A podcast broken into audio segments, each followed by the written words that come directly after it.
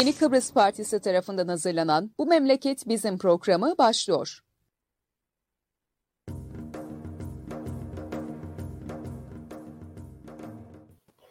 Evet, Yeni Kıbrıs Partisi'nin Yeni Çağ Gazetesi ile birlikte hazırlayıp sunduğu Bu Memleket Bizim programının 60. yayınındayız.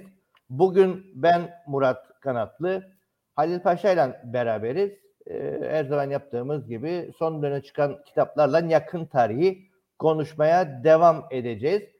Halil abi iyi günler. İyi günler mi kötü günler mi Murat hiç belli değil. En kritik günlerden geçiyoruz çünkü. Evet birazdan ona da değineceğiz ama e, her şeyden önce söyleyelim. Canlı yayınları Facebook, YouTube, Twitter gibi çeşitli sosyal medya platformlarından takip edebilirsiniz.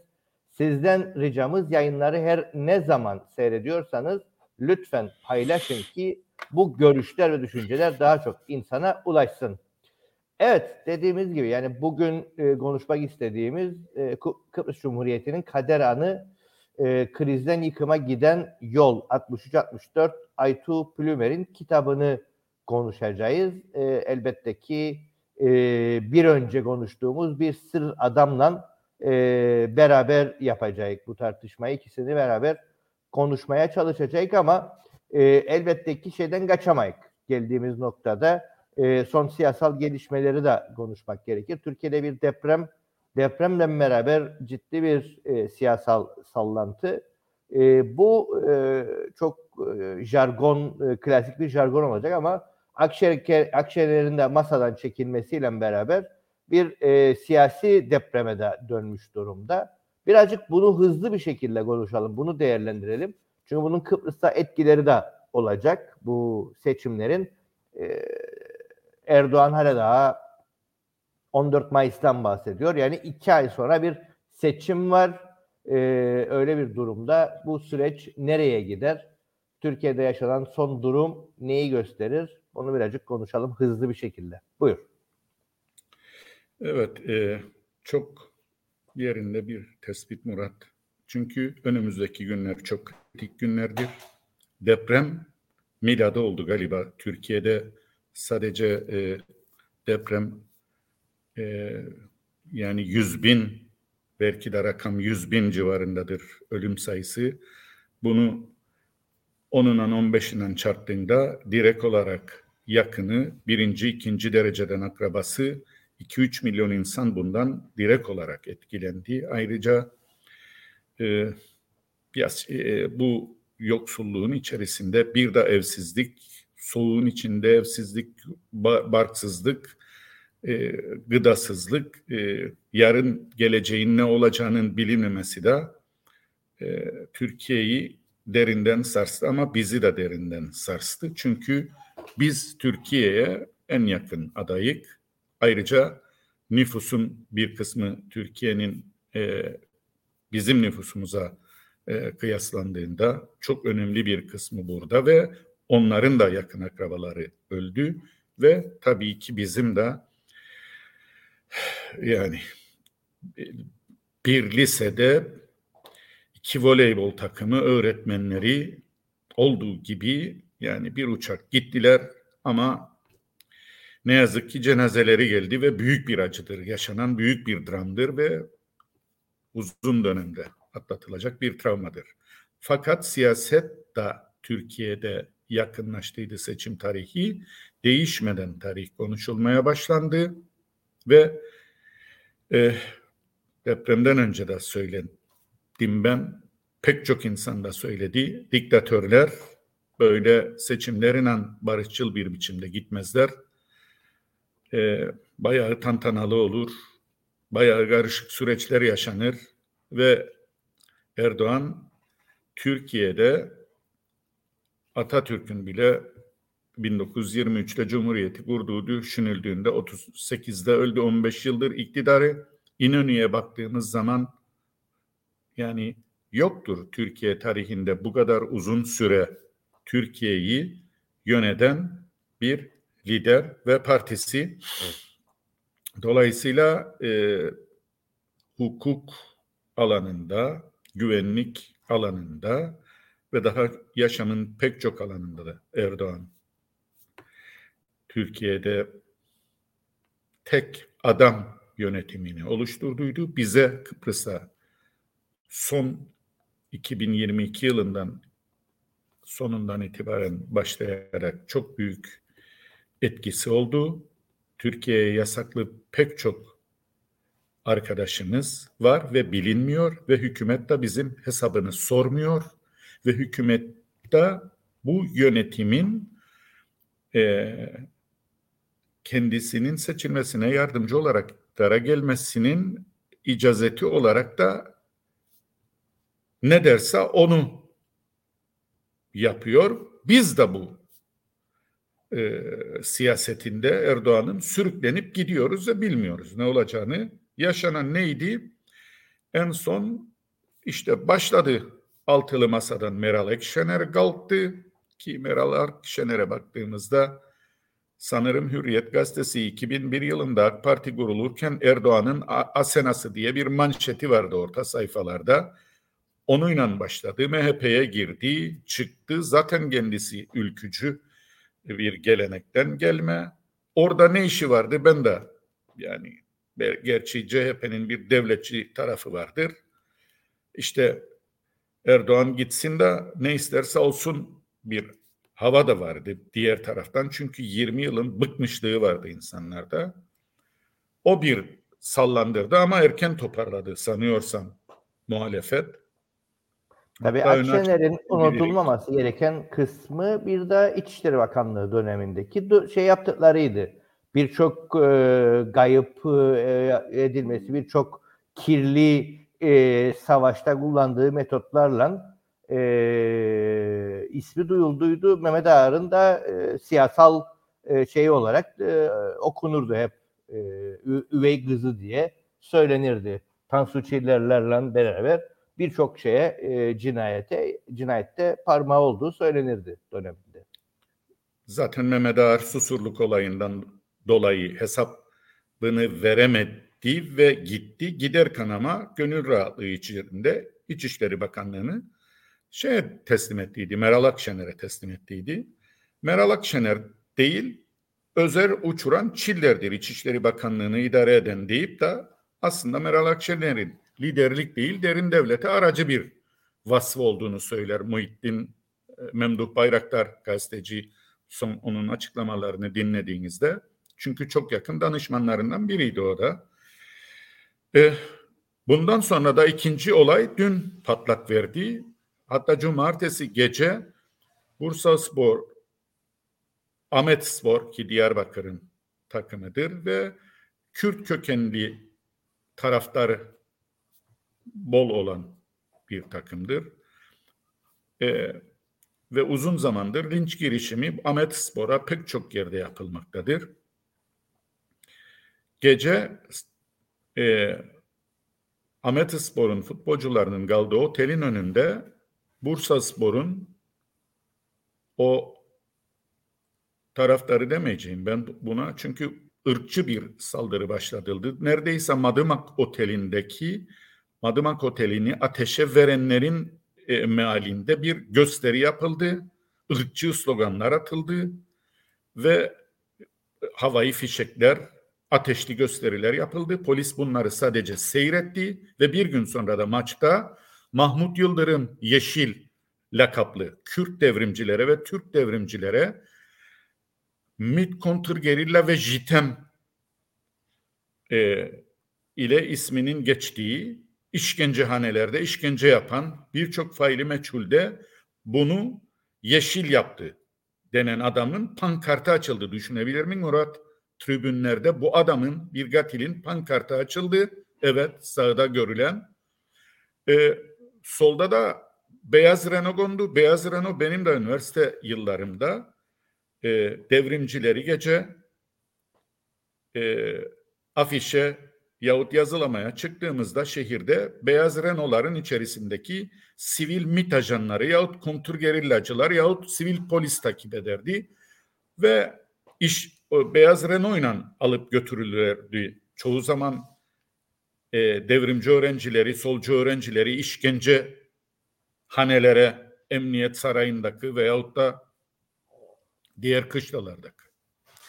Dolayısıyla bunu çağrıştırması yani 12 Eylül'ün gelme nedeni zaten faşizmin provokasyonlarıydı. Miting kontur gerillanın provokasyonuydu. JITEM de doğuda Kürt devrimcilere karşı özel operasyon yapan bir derin devlet teşkilatıydı. Bunların resminin açılması e, ırkçılığıyla da değil, faşizmle, şiddetiyle, cinayet, siyasal cinayetiyle birlikte anılır ve bunu yaptılar. Ve kimse yok tutuklanan ve gene sosyal medyada ne hangi paylaşımları gördük? Bir kişinin üzerine çakal sürüsü gibi saldıran tırnak içinde Bursa taraftarları diyeceğim. Çünkü bir takıma mal edilmez bu yapılan ırkçı saldırılar. Bu tabii batıda olsa anında o saha kapatılır. Anında kameralardan birçok bu saldırıyı yapan kişi tutuklanır. Maçlara girişleri engellenir. Tek bir laftan engellenir bazen. İngiltere'de tek bir ırkçı laftan dolayı hem hapse gönderilir hem maçlara bir daha ömür boyu girişi engellenir. Ama burası Türkiye'dir ve siyaset yakındır diye de bu tür provokasyonlar başladı. Daha da ileri gittiler. 13-14 yaşındaki Diyarbakırlı bir çocuğu, e, bir Kürt çocuğunu kapana kıstılar ve ona e, eline bir Bursa Spor e, atkısı verdiler. Kaldırılan şunu, bağırılan Bursa Spor bilmem ne diye hakaretlediler ve bu hakaret videosunu sosyal medyada paylaştılar düşünebilir misiniz? Irkçılığın boyutunu biz korkmuyoruz diyorlar. Evet ben bunları provokasyon olarak okuyorum. E, dilerim bizim ülkemizde de bu tür provokasyonlar yaşanmaz. Çünkü e, yani Kürt sorunu, Kıbrıs sorunu vesaire sorunu üzerinden ne yazık ki Türkiye iç politikasına bu iki sorun da malzeme edilmektedir. Çok dikkatli bizim de Türkiye'nin de muhalefetin çok dikkatli olması gereken günlerden geçiyoruz deyip burada durayım. Çünkü çok kritik günler bekler bizi. Evet, yani e, yapılan yorumlarda e, Bursa veya başka zamanlarda bu tip şeyler daha önce de e, Ahmet Spor'a e, saldırılar olduydu ama hep bir eylemliliğin sonrasında ya bir e, operasyon ya bir e, şey olduğunda olurdu. Bu defa ortada herhangi bir şey gözükmediği bir zamanda olması herkes açısından en fazla e, üstüne durulan konulardan biriydi. E, bu umarım ki dediğin gibi e, benzer konuları bu coğrafyada da e, yaşamayız. Evet. Ben istersen bir giriş yapayım kitaba.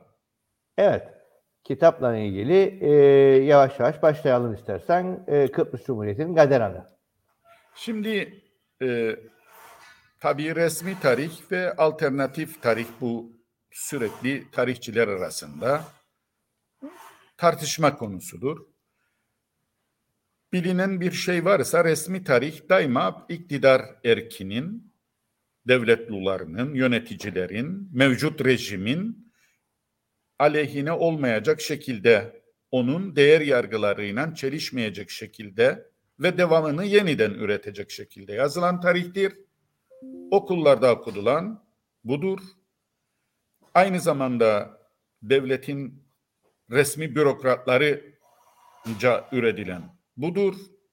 Devlete yakın olanlar sağ kulvardaysa eğer o dönemde iktidar onun suyunda giden medyadan öğretim görevlisine, bürokratından diplomatına hep bu minvalde bir resmi tarih yazılır ki düzen e, zarar görmesin ve yeniden üretilsin. Tabii burada da olayların hep tahrifatı vardır. Olaylar ve gelişmeleri nereye göre yazılır? Devletin iktidar erkinin yeniden üretimine diye bir kez daha belirtmiş olalım. Bunun için de olaylarda tahrifat yapılır. Olaylar sanki de öyle değil de yazılması istendiği gibi aktarılır. Bunu da bugün tartışacağız. Kitapta bizim alternatif dediğimiz tarafta bir sıradan duracak. Resmi tarih dediğimiz tarafta da Kıbrıs Cumhuriyeti'nin kader anı duracak. Gerçi okullarda bizim bildiğimiz Vehbi Zeki Serter'in Kıbrıs tarihi vardır.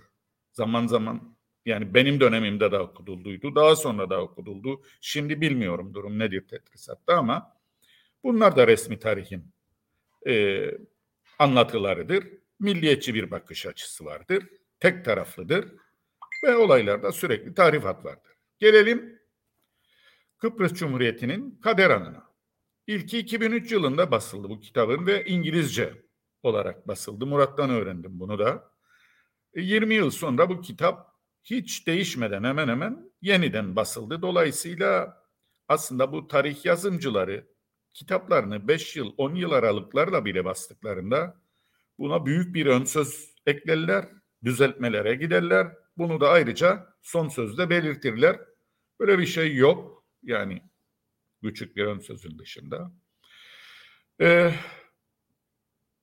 bu bu kitapta anlatılan 63 aralığında Kıbrıslı Türkler ve Rumlar arasında başlayan toplumsal çatışmaların 64 yılında ay ay dökümü, siyasal diplomatik gelişmeleri, savaşların tarihleri, savaşlarda olan olaylar, olayların anlatıları ve çok hızlı bir biçimde 7. 6. ve 7. bölümde 74'e kadar olayın getirilmesi ama dediğim gibi esas 63-64 anlatılmaktadır. Zaten bizim yazılı e, yakın tarihimizde de en az anlatılan resmi tarihin dışında alternatif tarihin en az anlattığı ki bir sıra adamının bu biraz daha açılmış oldu.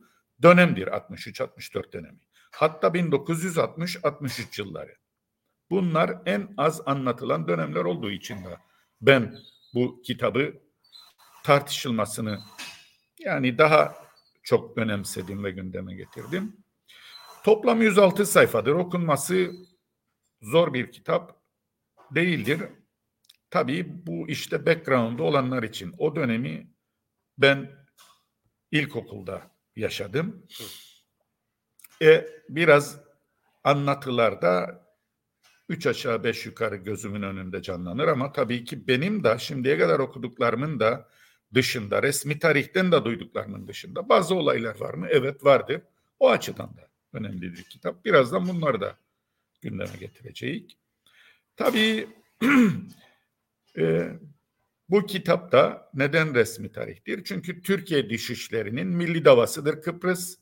Kıbrıs Türk liderliğinin de daha çok böyle biz onlardan ayrı bölgede yaşayalım. Kimlerden? Rumlardan ayrı bir coğrafyamız olsun. Ama biz zayıf bir toplumun bu ada iyisi mi düşmana değil ki düşman olarak betimlenen Kıbrıslı elenlerdir. Ee, düşmanın annesi de Yunanistan'dır. Çünkü karşı taraf Yunanistan'a enosis olarak bağlanmasını ister. Öyleyse biz de taksim yapalım ayrı bir şeyi diplomasi olarak öne sürelim, güvenliği gerekçe gösterelim, Taksim'i savunalım. Ama derin devletin, Türkiye derin devletinin e, istirdat planında İsmail Tansu'nun dediği gibi olay aslında Kıbrıs'ın istirdadıdır. Yani geri alınması. Osmanlı'nın adı biz alacağız. Eğer İngiliz adadan kaçarsa. Bu e, Menderes döneminde daha uygun olur diye İngiliz dışişlerinin baskısıyla Taksim'e sonra da ortaklık cumhuriyetine döndü bilindiği gibi. E, yedi bölümden oluşuyor kitap. E, birinci bölümde anlatılan Makaryos'un e, yani Kıbrıs Cumhuriyeti'ni Enosis'e giden yolda bir basamak olarak gördüğüdür. E, bu anlatılar içerisinde yaşanan tartışmalar anlatır. Doktor Güçlü ile Makaryos arasında. Tabii e, Aralık öncesi yaşanan tartışmalar var burada. Bir, mesela onun içerisinde Doktor Küçük Kıbrıs ordusunda ayrı e, örgütlenmeyi savunurdu. Makaryos Karmay örgütlenmeyi savunurdu. Ne zaman Temsilciler Meclisi bir karar aldı, Kıbrıs ordusu karma olarak örgütlensin diye o zaman Doktor Küçük bunu veto etti. Makaryos'un da hazır tarafına göre geldi. Tamam öyleyse orada olmasın dedi. Yani burada Makaryos orada olmasın deyince şimdi orduya bir ülkede orduya savunmaya atılan para aslında e, endüstriye, teknolojiye, e, eğitime, sağlığa, e, altyapıya atıldığında insanların refahı artar. Ama orduya atıldığında askere, silaha, teçhizata kimsenin refahı artmaz. Aksine insanların vergilerinden kesilen gelir nereye gider? Silaha, cephaneliğe gider. Bunda da kimsenin yaşam şekli art, e, iyileşmez.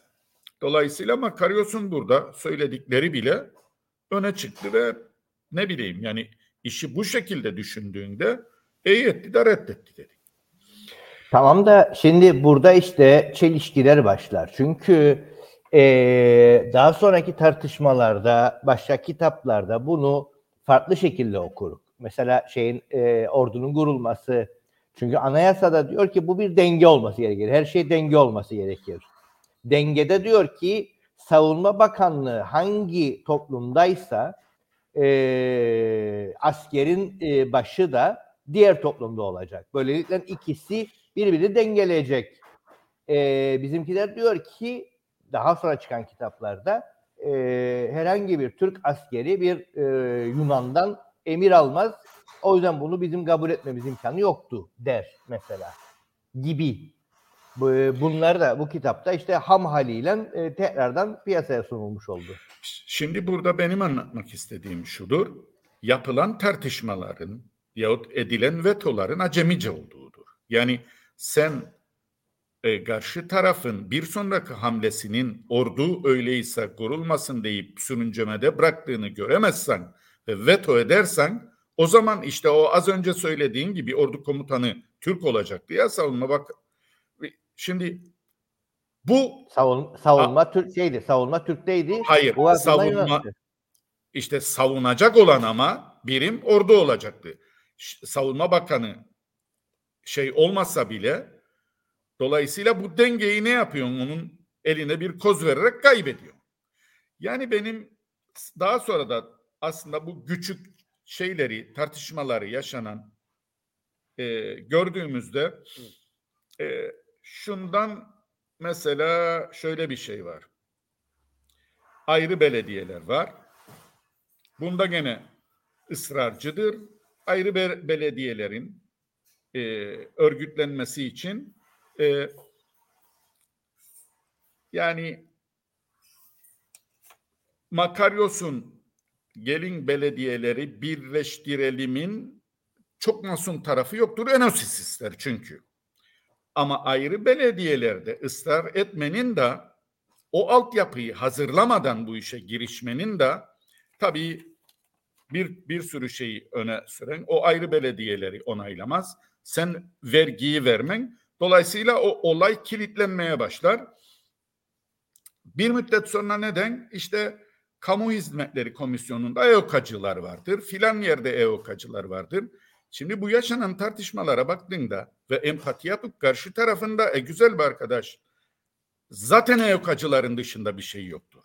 Karşı tarafta ama senin tarafında da e, Kıbrıs Cemaat Meclisi'ne baktığında bir sıradamda öğrendiğin bir şey vardır. Aday olmak için bile TMT'ye sormak zorundasın. Bırak seçilmeyi.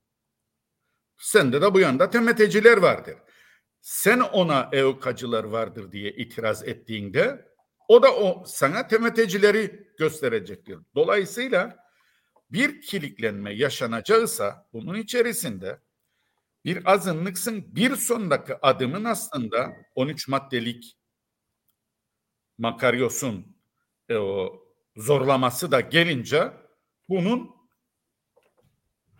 senin e, şeyine e, gelişeceğini görebilmelisin. Aleyhine ge- gelişeceğini gö- görebilmelisin ama Türk liderliğinin anladığım kadarıyla kitaptan da çıkan şudur o dönemde nasıl olsa Rumlar böyle bir çatışmayı çık- çıkaracak. Biz de bu çatışmanın üstüne yangınına gide- giderik.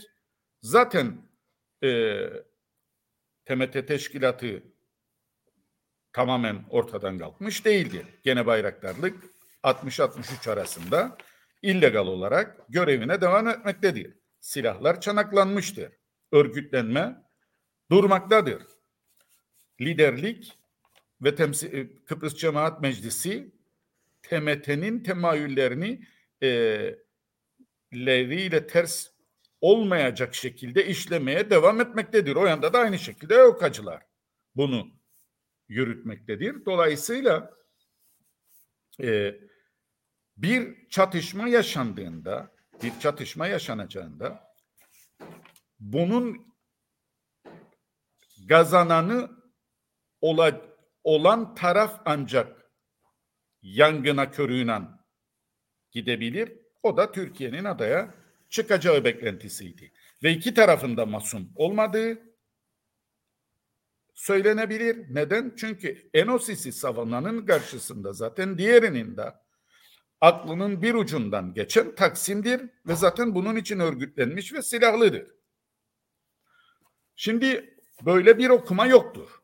Kıbrıs'ın Cumhuriyeti'nin Kader Anı kitabında ve yapılan saldırılar da bu birinci bölümde işte oraya saldırıldı. Arpalık katliamı, Ayvasıl katliamı, Şillura'ya saldırılar, Limasol ve Baf civarındaki Türk köylerine saldırılar anlatılırken e,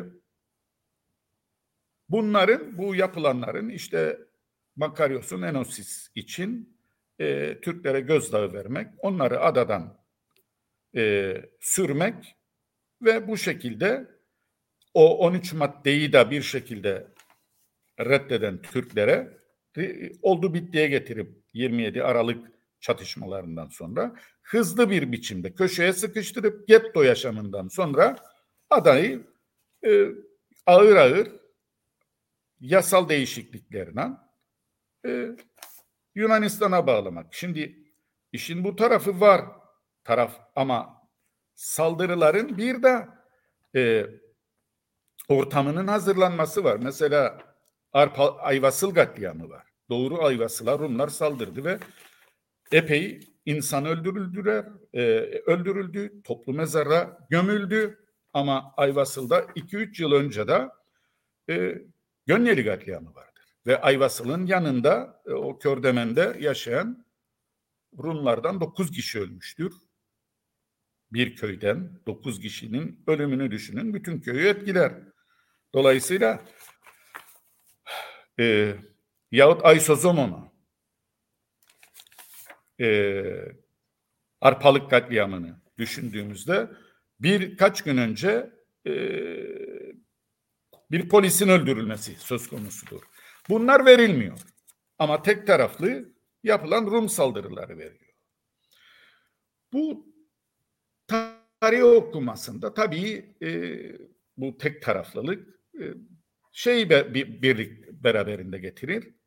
Karşı taraf haksızdı, düşman ırkçıydı, milliyetçiydi, güçlü olduğu için saldırdı, masum olan e, karşı taraf biz Türklerdik, geriledik ama e, zaten Kıbrıs Cumhuriyeti de e, Enosis için e, düşünülmüş bir sıçrama tahtasıydı. Şimdi bu mesajlar doğrudur ama eksiktir. Gerçeğin yarısıdır. Gerçek olaylarda gerçeğin yarısı gizlendiğinde doğrusu da anlaşılamaz. Getirilen öneriler de tek taraflı olur. Ee, ikinci bölüm bu tür saldırıları en çok gündeme getirir. Ee, üçüncü bölümde tabii olan olur. En çok Türkler bu işten zarar görür.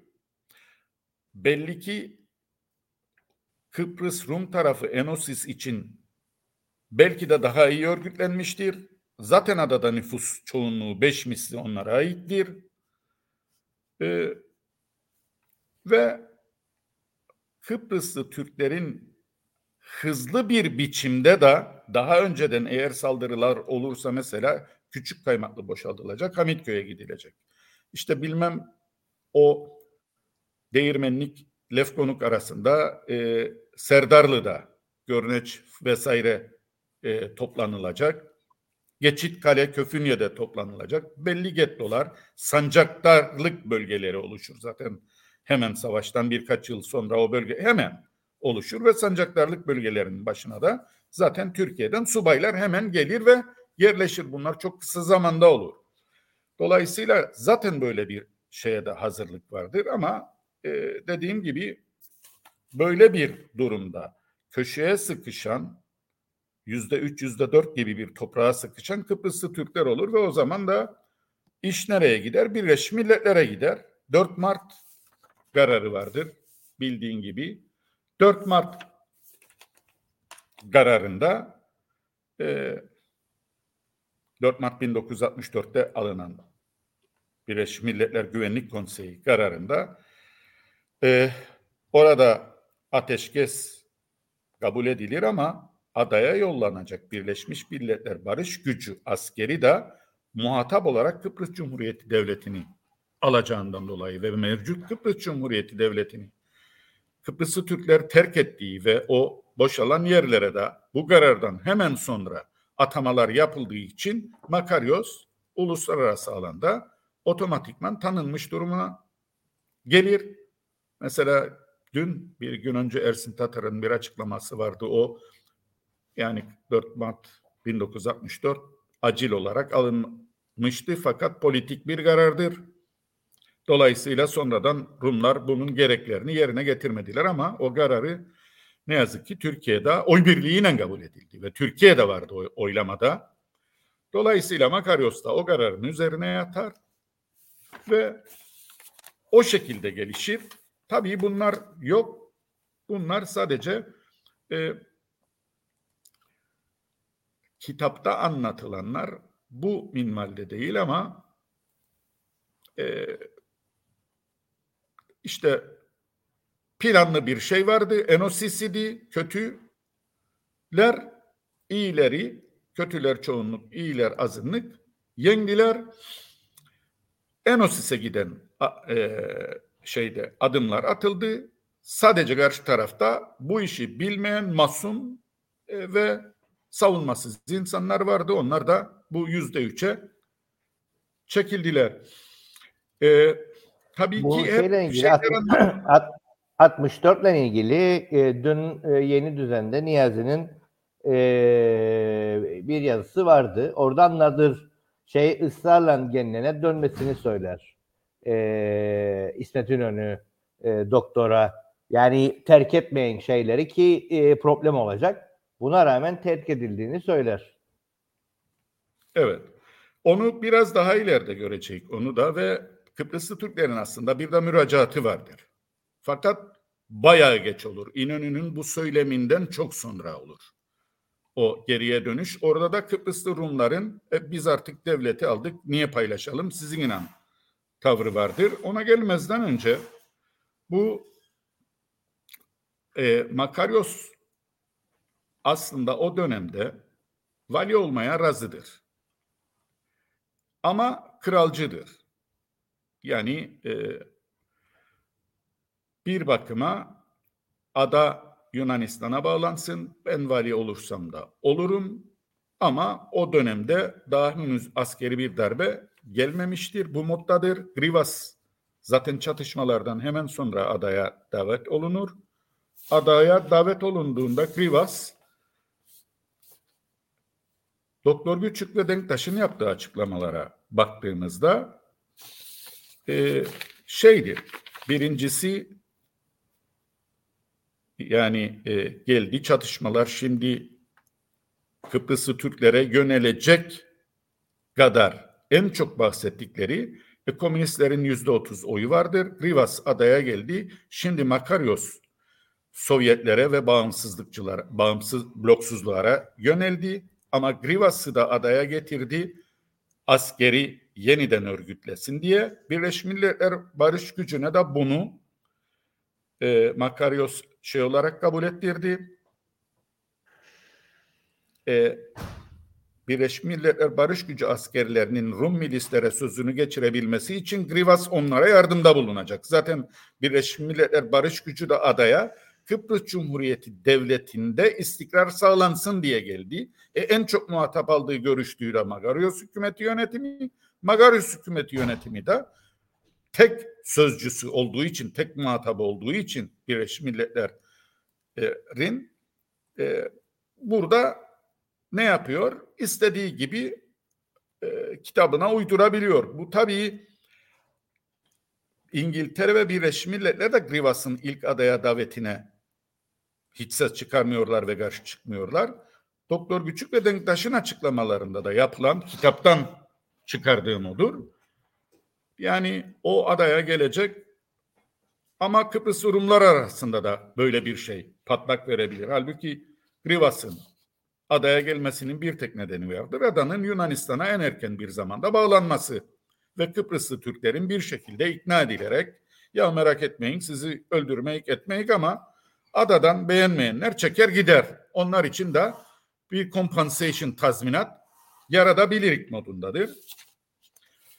Bu Grivas'ın tabii adaya gelirken düşündükleridir ama orada yani benim anlatmak istediğim şudur. Ben bu kitabı okuyunca e, bir takım şeylerde Kıbrıs Türk liderliğinin Taksim'i savunsa bile yahut konfederasyonu savunsa yahut Kıbrıs Cumhuriyeti'ndeki haklarını savunsa bile bir sonraki adımda e, yapılan tahliller, stratejiler saptanan sadece ve sadece Türkiye adaya nasıl olsa müdahale edecek üzerine kurulduğu için Makaryos'un bu şekilde Türkiye adaya müdahale etmediği için tabii önü açılıyor. Yalnız Türkiye'nin de her adaya müdahale ettiği dönemlerde geri adım atıyorlar. Ee,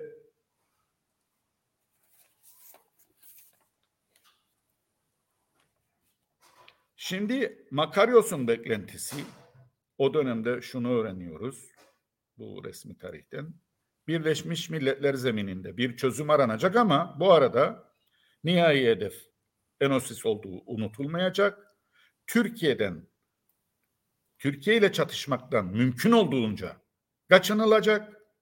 Yunanistan da eğer böyle bir şey ol, olursa Makaryos'a askeri destek verecek ama veremeyeceğini aslında ta 19 e, e, at, Erenköy'de 64'te Türkiye'nin uçaklarını kaldırması ve bombalamasıyla adayı ki yapılan Grivas'ın işte saldırılarıydı. Grivas'ın saldırısı da Erenköy'den silahların ve öğrencilerin adaya çıkmasıydı. Dolayısıyla Türkiye ile bağlantısı en son Erenköy üzerinden yoğunlaştıydı.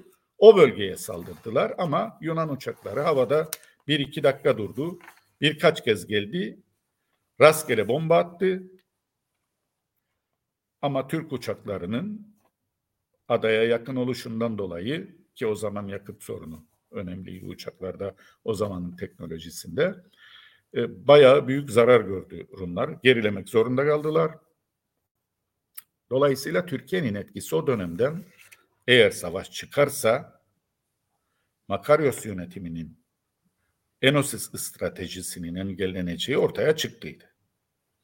Fakat e, Makaryos'un taktiği çok ilginçti o dönemde hepimizin bildiği gibi Sovyetlere yöneldi. Kitapta da bu ortaya konuyor. Bloksuzlara yöneldi. Mısır'la, Sovyetler Birliği'yle, Çekoslovakya'yla silah anlaşmaları yaptı. NATO'cu çözümlere ki bu Açeson planı o dönemde gündeme gelir Cenevre'de.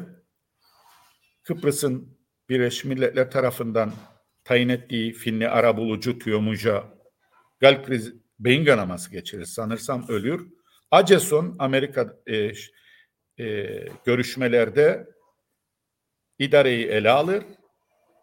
iki teklif getirir. İki teklifi de üst üste reddettiğini yazar. Kitap Makaryos'un benim bildiğim kadarıyla aslında ilk teklif e, Türkiye adada bir üs, Kıbrıslı Türklere iki kanton, düşünün o zamanlar iki kantona razıydı Türkler. İki küçük kanton, Türkiye'ye bir küçük üs, karşılığında Meis Adası Türkiye'ye verilecek, Kıbrıslı Türkler de Meis Adası'na taşınacak. Bu Makaryos'un reddine ve Kıbrıs adası Enosis olacak. Çünkü Aceson'un o dönemdeki stratejisi şu e, e, birçok NATO planı aslında var o dönemde ama Makaryos Sovyetlere yönelince ve Enosis'i ABD'ye rağmen Sovyetleri iki kutuplu dünyadayız o zaman soğuk savaş vardır. Sovyetleri denge unsuru olarak kullanma isteği ağır basınca e, panikler Sovyetlerin Doğu Akdeniz'e inmesine karşıdır. O dönemde Amerika daha güçlüdür. Bayağı yakınları vardır. Yunanistan Amerika NATO üyesidir. E, bir tek Mısır'dır. O dönemde Sovyetlere yönelen Sovyet silahları ile kuşanmıştır. Ama Amerika'da buna karşılık İsrail'i bildiğimiz gibi 67 savaşları olacak daha sonra. Ee, Doğu Akdeniz'de istememektedir. NATO diyor ki o zaman şu kararı veriyor. Ki kitapta da bu aslında yerinde bir anlatımı vardır yazarın. Öyleyse Kıbrıs devleti lav olsun, Enosis olsun. Ada Yunanistan'a bağlansın. Ada Yunanistan'a bağlanınca sorun çözülmüş olur. Ve Makaryos da buna karşılık Kıbrıs devletini savunan kişi olur. Bildiğiniz gibi bu iş bir müddet sonra Grivas ve Eoka aslında bir nevi Gladio örgütlenmesi paralelinde olduğu için Grivas'ın görevi burada antikomünist bir kişiliği vardır. İkinci Dünya Savaşı'nda Yunanistan Komünist Partisi'nin ve Yunanistan Komünist gerillalarının birçok üyesi e, örgütü X tarafından e, Grivas'ın liderliğindeki örgüt tarafından öldürülmüştür. O antikomünistik damar ve Amerikan tarafı milliyetçiliğiyle birlikte, Enosis ile birlikte birleşir ve Makaryos'un e, bir dönem sonra e, e, şeyine takılır. Nasıl diyeyim? E, Makaryos ile onların çatışmasına yol açar. Hatta eğer notu bulabilirsem Grivas'ın ilk adaya geldiğinde bir konuşması vardır. Eleftheria meydanında ta oradan bellidir çatışacakları. Çünkü o konuşmasında diyor ki Enosis konuşmasında Özgür Kıbrıs kendi başınayken Özgür Kıbrıs dediğinde tabii biz Özgür Kıbrıs'tan Grivas'ın anlayacağı Yunanistan'a bağlanmış bir Kıbrıs'tır. Nitekim devam ettiğinde ne kadar müreffeh ise Enosis altında en az o kadar müreffeh olacaktır. Her halvekarda Yunanistan'ın bir parçası olacağı için Kıbrıs'ın müdafası da daha da güçlenecektir. Yani Rumların politikaları, Enosis politikaları işte Türkiye bir, bir tek Kıbrıs Türklerin arkasında ama biz Enosis olursa işte Yunanistan'ı da savunmaya katacak ama merak etmeyin e, çünkü Kıbrıslı'nın en çok en büyük derdi şudur kendi çıkarları. O dönemde Yunanistan'dan o dönemde bile Kıbrıs'ın yaşam şartları Yunanistan'ın yaşam şartlarının önündedir. Dolayısıyla böyle bir güvence vermeyi ister ama ilerleyen yıllarda 67'de askeri darbe olunca Magarios zaten yaşam e, valiliği krala karşı vali olarak kabul ettim deyip tornistan yapar ve ağır ağır adada bağımsızlıkçı bir yapıya doğru evrilmeye başlar devleti. Bu kitapta tabii gene 74'e kadar da çok hızlı geçti gerçi oralarını. Sadece Makaryos'un hep o enosis yanı gösterildi. Aslında Makaryos bir milliyetçidir, Elen milliyetçisidir. Başlarda Enosis'i savunmaktadır ama o geçiş dönemi, Krivası'nın çatışması, neden çatıştığı bu kitapta Kıbrıs Cumhuriyeti'nin kader anında yoktur. Ee, şimdi altıncı bölümde artık e, gene böyle birçok olaylardan bahsedilir. Mesela resmi kayıtları öğrenerek 25'i asker 28'i sivil 53 ölü verdi Kıbrıslı Rumlar. Erenköy'de Türk uçaklarının bombalanmasından buna karşı Grivas'ın saldırısında 20 kişi hayatını kaybetti. Dediğim gibi yani Türkiye'nin e, burada bir askeri üstünlüğü sayıca ve silah olarak bulunmamasına rağmen o yakınlığı adanın ve bu hava üstünlüğü o dönemden belirgin idi. Ee, tabii e, böyle sayfaları karıştırdığımızda şu da bir gerçek. 16 Ağustos 64 tarihinde ki bu kitapta iyi olan taraf şudur. New York Times'tan ve Amerikan gazetelerinden günlük o haberler aktarılmaktadır. O aktarılan haberlerde birinde e, Dasos Papadopoulos Çalışma Bakanı, Adalet Bakanı Stelios Sulliu ve General tabi ordunun başında Grivas, e, Makaryos'un artık Sovyet ve bu bağımsızlık bloksuz politikasından rahatsızdır ve çatışma başlar. Tabii bir tarafta çatışma başladığında eksküzler de nedenler de gelmeye başlar. İşte biz hızlı enosis sağlayacak tarafı EUKB ayrı örgütlenmeye yüz tutar. Ta o dönemden ama bu işin alt yapısı oluşur.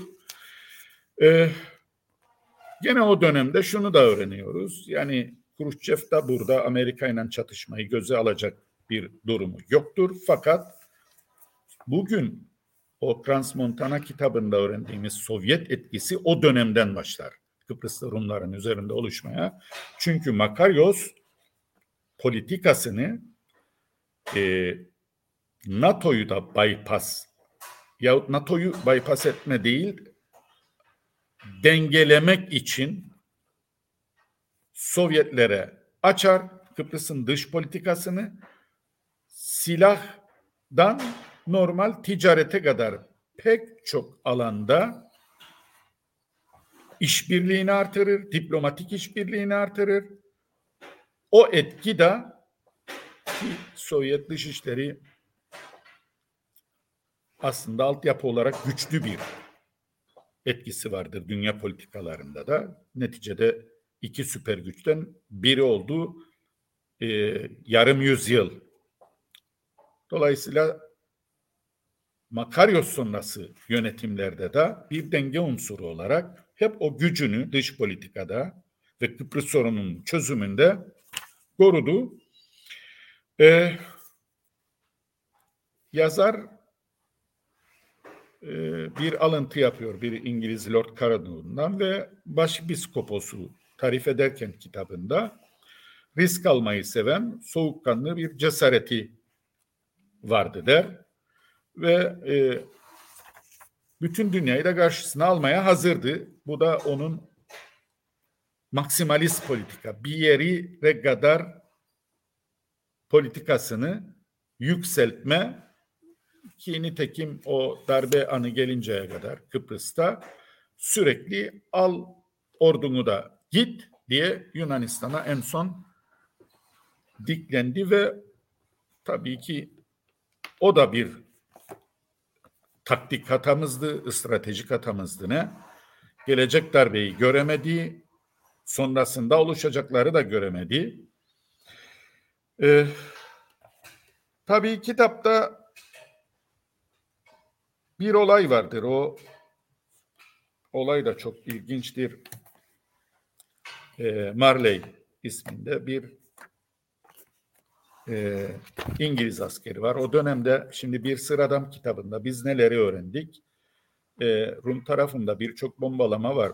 Rum tarafında EOKB ile yani Grivasçı grup ile Makarios grubu yahut Akel grubu sağ ve sol arasında sürekli çatışmalar vardır ama bu çatışmaların bir kısmı bombalamaların yahut bildiri karşı bildiri dağıtmanın tehdit etmenin bir kısmı da TMT'nin tarafından dağıtılmış ki bu da Birleşmiş Milletler askerlerine İngiliz askerlerine Kanada, e, İsveç vesaire kontenjanına yaptırılmış. Bunları öğreniyoruz.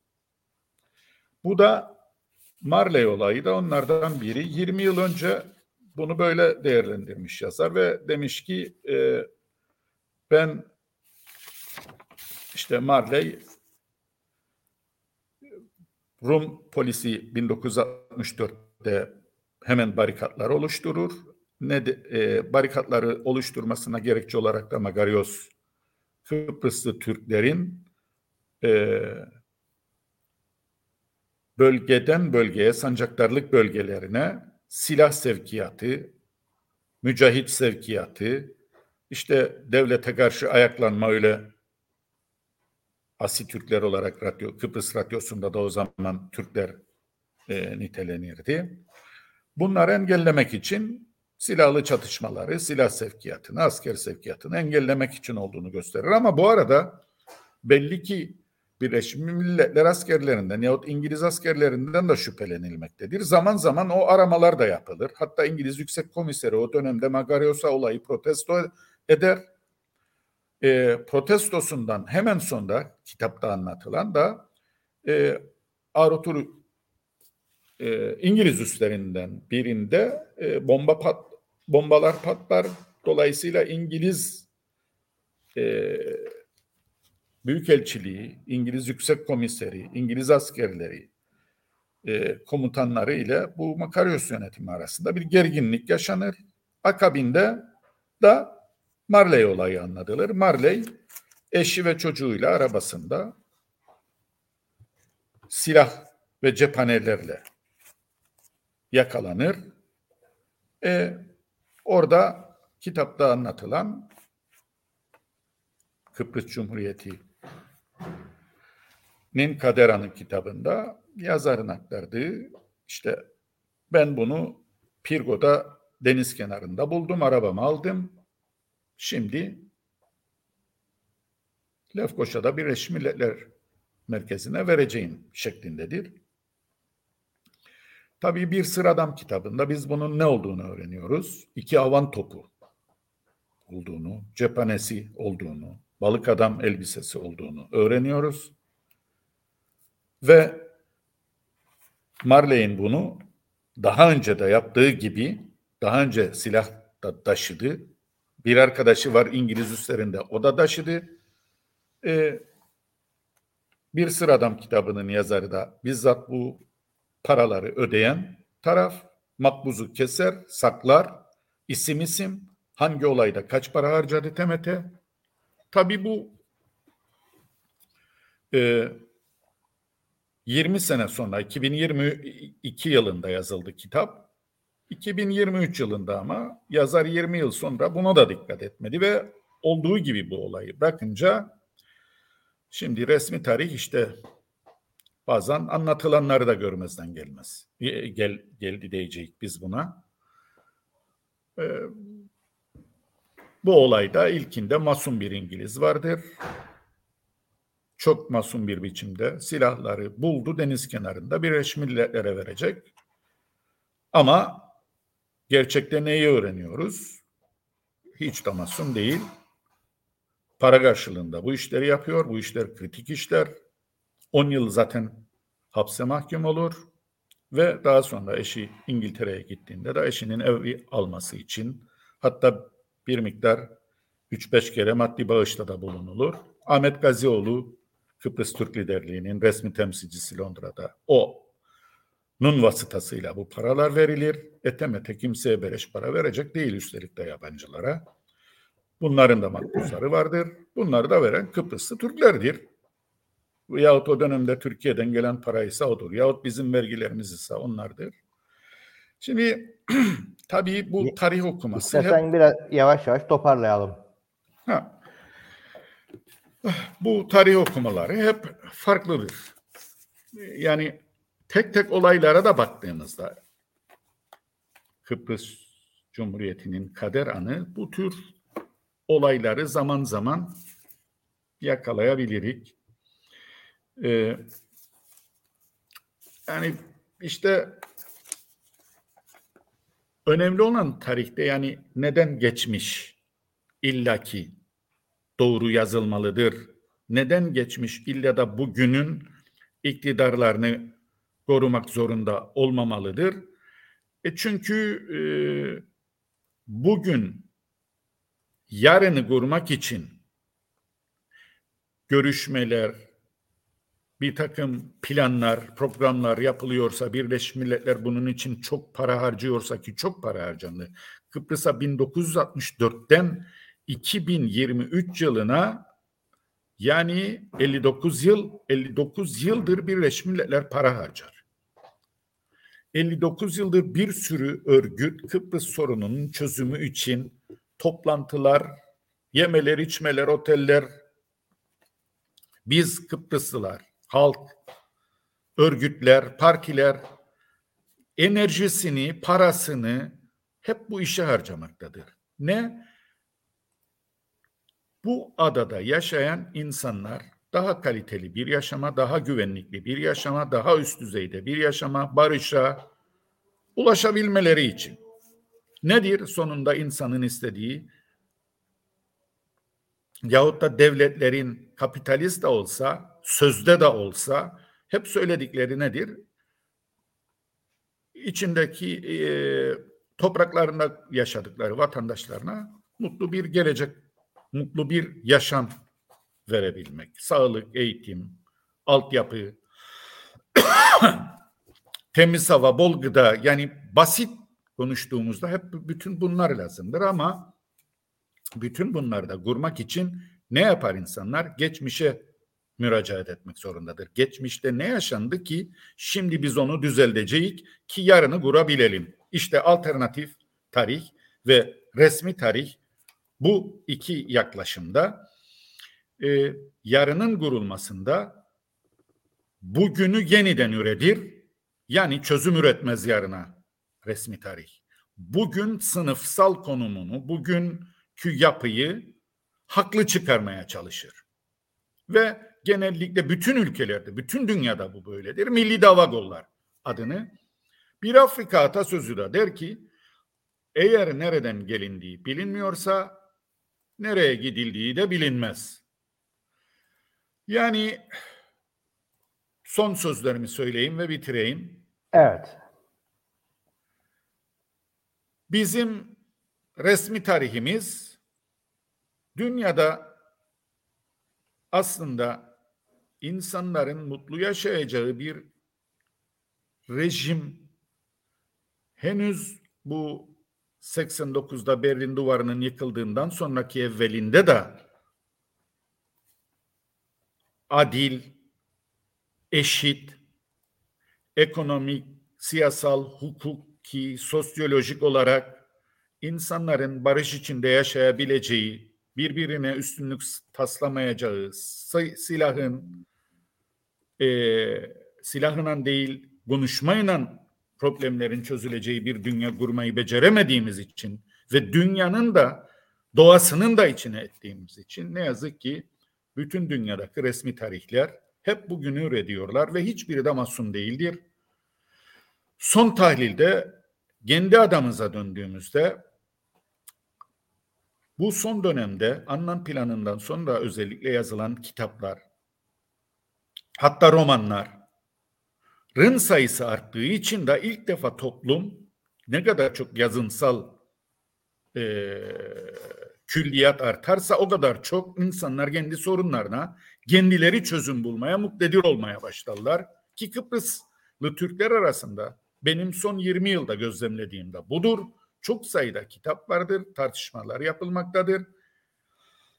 Geçmiş tarihe alternatif kitaplarda yayınlanmaktadır. Ama resmi tarih de bu arada bir şeyler yazmaya, üretmeye çalışmaktadır ki üretim artık işte bu Kıbrıs Cumhuriyeti'nin kader anı 20 yıl öncekinin aynısının tekrarı oldu. Onun için ele aldım. Son tahlilde istediğimiz bu adada çözümdür, barıştır